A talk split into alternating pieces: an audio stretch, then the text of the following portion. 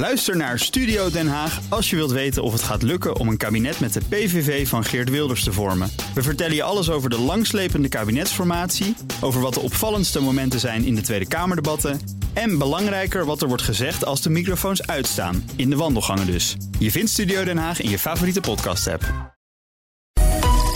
Economenpanel. Raakt de ECB terecht in paniek als de rente iets opveert? En de verduurzaming van de economie gaat nog tot flinke discussies leiden... zometeen aan de formatietafel. Dat en meer bespreek ik in het Economenpanel. En daarin zit eh, Hans Tegenman, Head of Research and Investment Strategy... bij Triodos Bank en BNR Huiseconoom Han de Jong. Welkom heren, fijn dat jullie er zijn.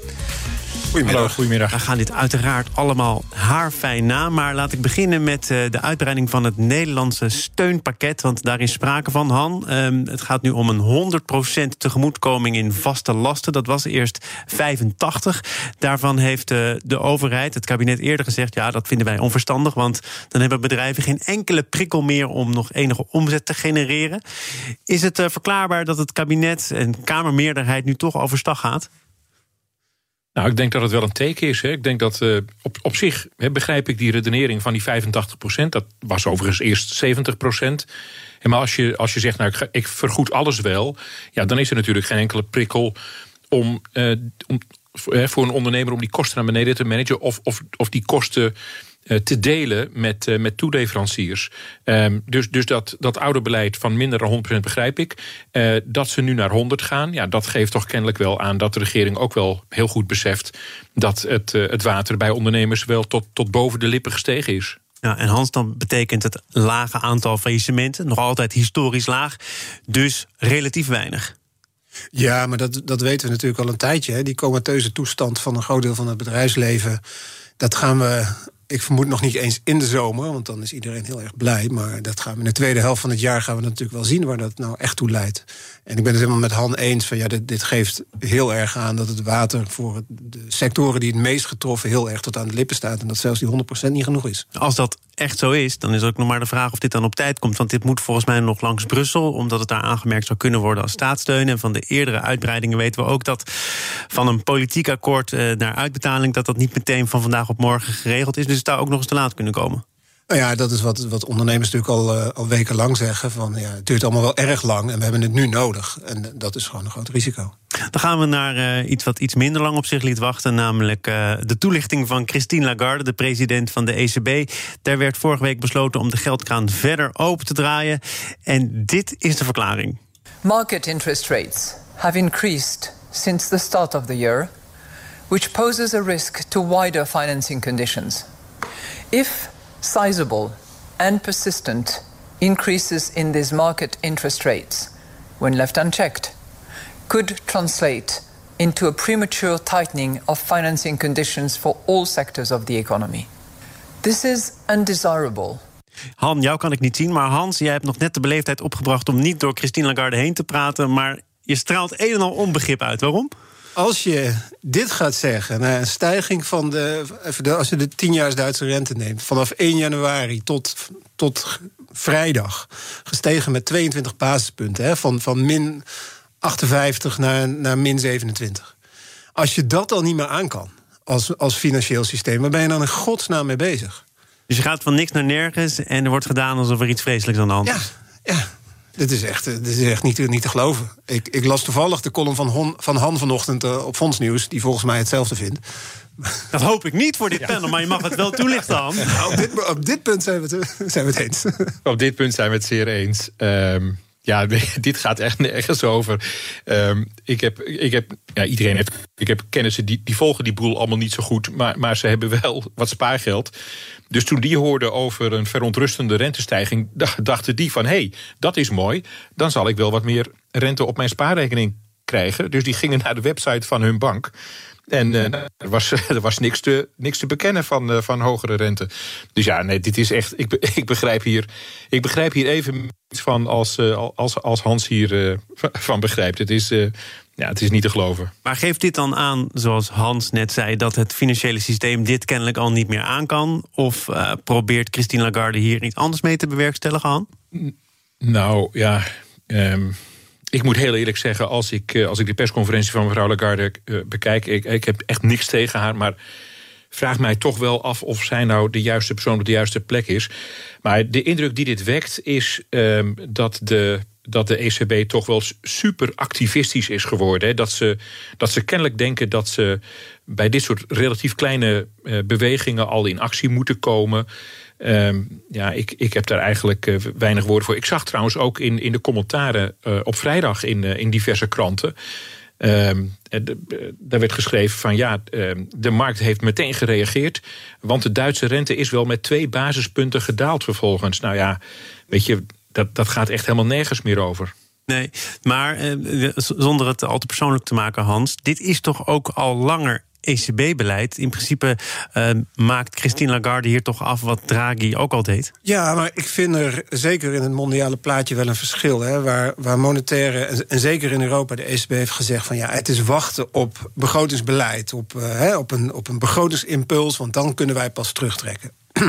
nou, wat we vorige week hebben gezien, met name natuurlijk in, in, in de VS, een ongekend groot pakket. Waarbij je zou zeggen van nou weet je, dan kunnen centrale banken uiteindelijk gaan doen wat ze van plan waren. En dat is toch weer een klein beetje terugtrekken.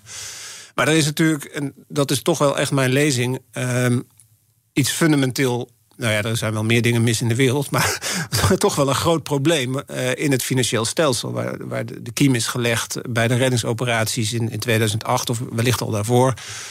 Marken, markten rekenen op niks anders dan dit monetair beleid. Dus we hebben ontzettend last van moral hazard. En zolang die centrale banken blijven leveren, zoals nu ook weer gebeurt, ja, dan wordt het alleen maar sterker. hoe zwem je hier dan ooit weer uit, uit deze fuik? Ik heb geen flauw idee. Ik, nee, ik zou het echt niet weten. Kijk, en, en wat dat er zijn misschien wel momenten geweest in tijden van economische voorspoed. En dat was eigenlijk zo voorafgaand aan de coronacrisis. Dat je wel een turnaround had kunnen maken, toch? Nou ja, dat heeft de Fed voor een deel natuurlijk gedaan. Hè. De, de, rente was weer hoger. Nadat ze eerst in 2013 uh, eh, heel erg bang waren door, door het gaan taperen en, en ook een marktreactie zag. Uh, eh, ECB heeft dat niet gedaan. En heeft het ook niet kunnen doen, wellicht in hun eigen beleving. Uh, ja, en nu is niet de tijd. Daar is iedereen, iedereen het wel over eens om uh, terug te trekken. Maar om dan zo dovish of activistisch te zijn, dat is wel, ja, dat is wel de andere ja. het, het, is, het is activistisch, Han, maar het totale budget van dat opkoopprogramma, dat wordt niet verruimd. Het gaat hier om uh, sneller en in grotere tranches opkopen, toch vooral? Ja, nou ja, dat is waar. Maar mevrouw Lagarde zegt ook. um, als we meer geld nodig hebben, dan kunnen we het oprekken. En als we dat geld wat onder dat programma uh, gereserveerd is, of eigenlijk niet gereserveerd, maar een soort, soort doelstelling is, 1850 miljard. Uh, als we het niet nodig hebben, dan gebruiken we het niet allemaal. Dus ja, ze houdt, uh, ze houdt eigenlijk alle slagen om de arm. alles is mogelijk in principe.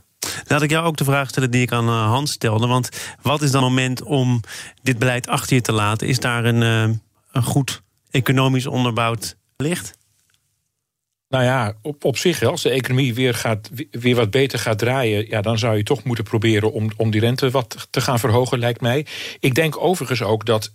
jij, laat ik voordat ik nou uh, dat ga zeggen, laat ik je ook een compliment geven voor het, het, het gebruik van het woord fuik. Want ja, je hebt toch, ik heb toch ook heel sterk het idee dat we in een soort rentefuik gezwommen zijn. Uh, waarbij iedere keer als er een probleem was, dan ging de rente om, omlaag. En als we dat probleem wat te boven uh, kwamen, dan, dan ging die niet meer omhoog. Um, dus ja, dat, dat heeft heel veel van een, van een fuik. Um, ik, ik moet wel zeggen dat. Um, uh, de, de ECB is natuurlijk heel laat begonnen met dat opkoopbeleid. Toen was de Fed al gestopt. De Fed is in 2008, 2009 begonnen met, met opkoopbeleid en is eind 2014 gestopt. De ECB is pas twee, in 2015 uh, begonnen. Um, wat hier natuurlijk op de achtergrond ook wel een rol speelt, is een soort algehele trend in de, in de rentebeweging. Je kunt natuurlijk niet de, de centrale banken uh, de schuld geven, volledig de schuld geven van die hele lage rente. Ik, ik vermoed eigenlijk, maar, maar er is wel een discussie onder de economie, maar ik vermoed dat er krachten in onze economie zijn die, ja, die de evenwichtsrente, dus dat is de rente die de economie in evenwicht zou houden, die evenwichtsrente die is de laatste decennia wel heel fors naar beneden gekomen. En als je dan, als, die dus heel dicht bij nul komt te liggen, en vervolgens is er nog een negatieve schok in de economie, dan is het op zich niet zo gek dat je, dat je met dit soort uh, rentetarieven uh, te maken krijgt. Overigens, denk ik wel dat uh, die negatieve rente van de ECB. Um, ja, ik denk toch eigenlijk dat dat een vergissing is. Ik weet dat het IMF onlangs daarvan heeft gezegd dat die negatieve rentes wel gewerkt hebben. Maar wat mij wel vorig jaar is opgevallen, hè, dat is dat onze economie is in een hele diepe recessie geraakt. Um, de inflatie is naar beneden gekomen. De Amerikaanse centrale bank die heeft de rente verlaagd. Maar de ECB heeft een hoop dingen gedaan. Maar ze hebben toen niet de rente verder verlaagd. Mm. Um, en eh, terwijl als je nou aan een economiestudent zou vragen... wat doe je onder dat soort omstandigheden... dan, dan zou het antwoord eigenlijk altijd zijn eh, de rente verlagen. Dat hebben ze niet gedaan. Waarom niet? Nou, waarschijnlijk om de, omdat, hij al zo, omdat hij al negatief is... en omdat ze hem niet verder negatief wilden maken. Dus ik denk dat dat een beetje een, eh, een vergissing is geweest achteraf gezien. Hans, de, de centrale banken worden niet vrijgepleit... maar er wordt wel heel duidelijk gesteld... er is wel meer aan de hand dan het beleid van Lagarde, ja. Powell, Comsuis. Nou ja, maar... De ook dat meer aan de hand. Dat, dat, dat uh, je diagnose daarop dat bepaalt je beleidsreactie uiteindelijk. Hè? Zoals als je hier Bas Jacobs te gast hebt, dan krijg je te horen dat we een groot vraagtekort hebben.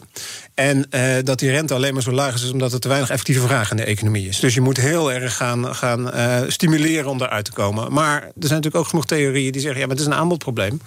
Uh, zowel in, in, in, de rente als ook het groeivermogen van de economie. In de rente gaat het over vergrijzing, over technologie en over, en over uiteindelijk spaaroverschotten. Um, en dat hangt natuurlijk wel samen met het effectieve beleid. Maar in een crisis, waar je dus ook nog een negatieve vraagimpuls hebt gekregen, um, dan dan maakt het eigenlijk voor een deel niet zoveel uit. Want je moet daar uitkomen. En dan, uh, dan helpt het wel. En dat vind ik een cruciaal verschil met, uh, met de financiële crisis. Dat, dat overheden nu echt wat anders doen. En mijn hoop is dan dat dat centrale banken dus ook meer ruimte gaat geven. Om, en, en dat vind ik dus de hele tijd het opmerkelijke blijven. Ja, ze doen precies hetzelfde. En, en misschien nog wel verder. En dat geldt eigenlijk voor alle... Terwijl de overheid zich ook niet onbetuigd laat, nee, waar dan ook ter wereld. Nee, nee niet, zeker niet in de VS, maar eigenlijk ook in Europa niet. Dus dat is echt anders. En uh, dus het lijkt eigenlijk dat iedereen denkt van... ja, we moeten nu maar op alles losgaan, want anders gaat het sowieso mis. We gaan het over die overheid hebben. Zaken doen.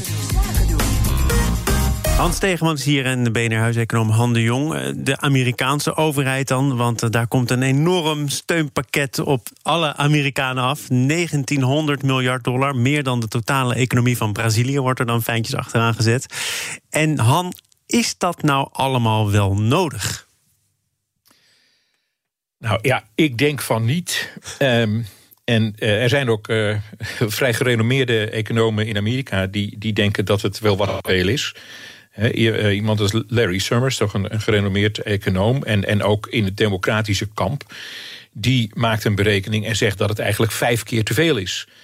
Um, en die 1900 miljard, um, ja, dat is, dit is niet het eerste pakket dat ze doen. Vorig jaar hebben ze de, de CARES-wetgeving gehad. Nou, alles bij elkaar is daar iets van tussen de 2000 en de 2400 miljard uh, uh, onder uitgegeven. In december hebben ze nog een pakket van 900 miljard gedaan. Wat nog niet helemaal op is, geloof ik ook. Nee, natuurlijk niet. En die, en die 1900 die ze nu gaan dat komt ook niet allemaal uh, van vandaag op morgen. Maar alles, als je het bij elkaar optelt, eh, dan is het wel ongeveer 25% van het Amerikaanse BBP. En ja, dat is toch wel heel veel. En als je ook naar de onderdelen kijkt.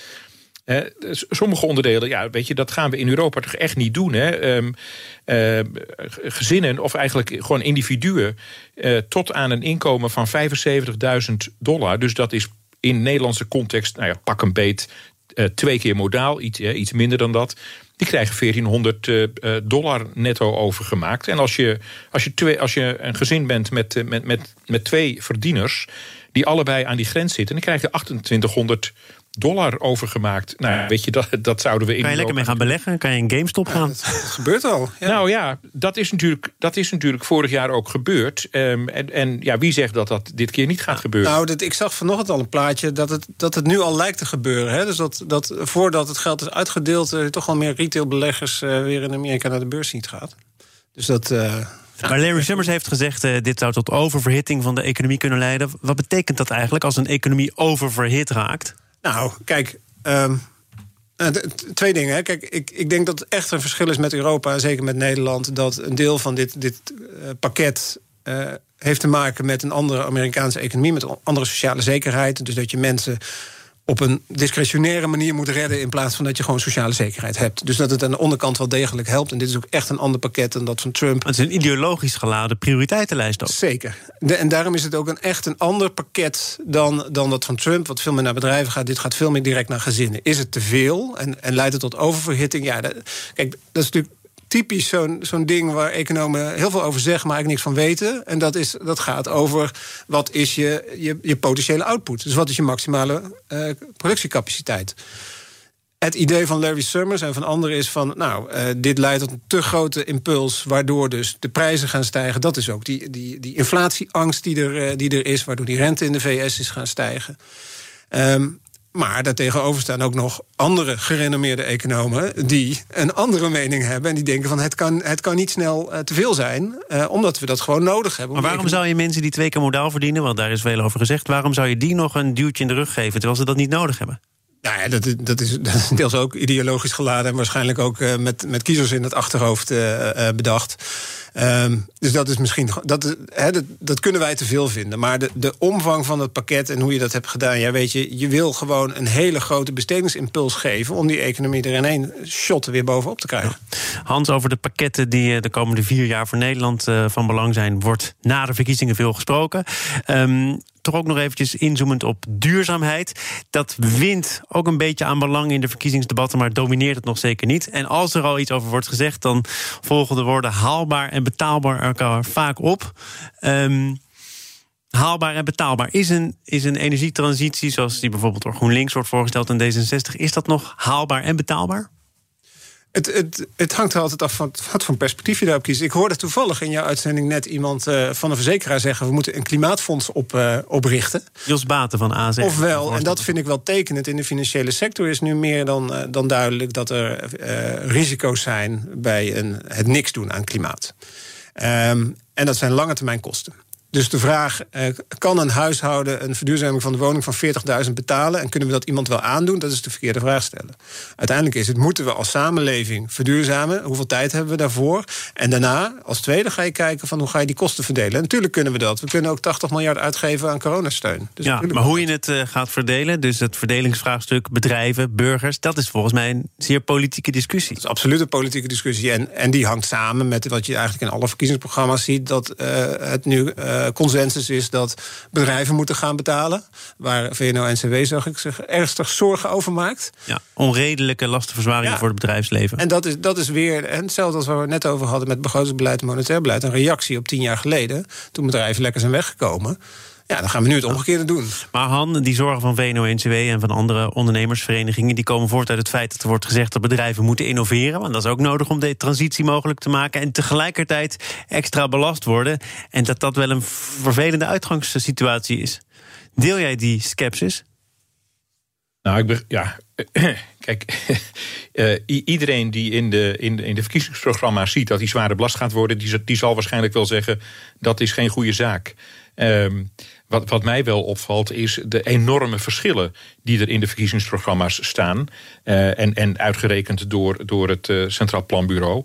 Hè, bij, de, bij, bij partijen die de. Uh, volgens mij is het zo dat alle partijen lastenverzwaring hebben voor bedrijven. maar dat varieert dan van ongeveer 3 miljard bij SGP en, en, en, en de VVD tot 41,7 miljard, zeg ik uit mijn hoofd, maar zoiets. Nee, klopt, tot achter de komma aan. ja, precies. Ja, ja, nou ja. Ja, goed, het is mijn, het is mijn, het is mijn werk om, om, om dat allemaal goed in de gaten te houden. Maar dat zijn wel enorme verschillen. Um, en um, kijk, laten we het dan afronden, hè, 40 miljard. Um, nou, ik denk, en dat, dan ben ik bezig op de achterkant van een, van een sigarendoosje hoor. Maar ons, ons bruto binnenlands product is ongeveer 800 miljard. Daarvan valt ongeveer 15 miljard toe aan, aan, aan bedrijfswinsten. Dus dat is 120 eh, miljard. Ja, als je dan gaat zeggen, we gaan belasten we gaan uh, bedrijven uh, meer dan 40 miljard extra belasten. Ja, dan, dan ben je dus bezig met, met ongeveer een derde van de totale winsten. En, en dat doe je dan terwijl we in een recessie zitten en terwijl er heel veel bedrijven natuurlijk het, het heel erg zwaar hebben. Hans, Hans. Ja, nou, ik, ik denk dat je heel goed uit moet kijken of dit, die, die, die 40 miljard die zijn structureel en die zijn dus niet. Die, die moet je volgens mij over die vier jaar nemen. Dat is één ding. Maar het tweede is, wat volgens mij de grootste uitdaging is... De, de ergernis zit bij de beursgenoteerde bedrijven die, uh, die overwinsten maken. terwijl de problemen, ook als je kijkt naar de balansen, zitten bij MKB'ers, zeker na de crisis. En volgens mij is de grootste uitdaging nog niet eens de hoogte. Maar hoe ga je dat in godsnaam doen? Dat je de juiste bedrijven. Want dat heeft iedereen in het hoofd. Hè? We gaan de lasten uh, verzwaren. En dat, dat die grootverdieners gaan daarvoor betalen. Maar in de praktijk hebben ze natuurlijk een fantastisch belastingparadijs. Hebben die er helemaal geen last van. Dus al die MKB'ers worden getroffen. En dat wil je nou juist niet. En volgens mij is dat het vraagstuk uiteindelijk. Wat niemand beantwoord heeft. Want het CPB kan het ook niet op die manier doorrekenen. Maar, maar, maar, daar komt het uiteindelijk op neer. Van hoe ga je dat in godsnaam regelen? En de vraag is natuurlijk: hoe groot is de kans dat de Partij van de Arbeid woensdag 76 zetels haalt? Niet zo heel groot. Niet zo groot, toch? Hans Tegenman, Head of Research and Investment Strategy bij Triodos Bank. Dank voor je komst. En BNR-huiseconoom Han de Jong was ook lid van het economenpanel. Dank daarvoor. Zometeen in het kader van de verkiezingen... een gesprek met ChristenUnie-Kamerlid Apple Bruins... over economie, arbeidsmarkt en Schiphol en Lelystad.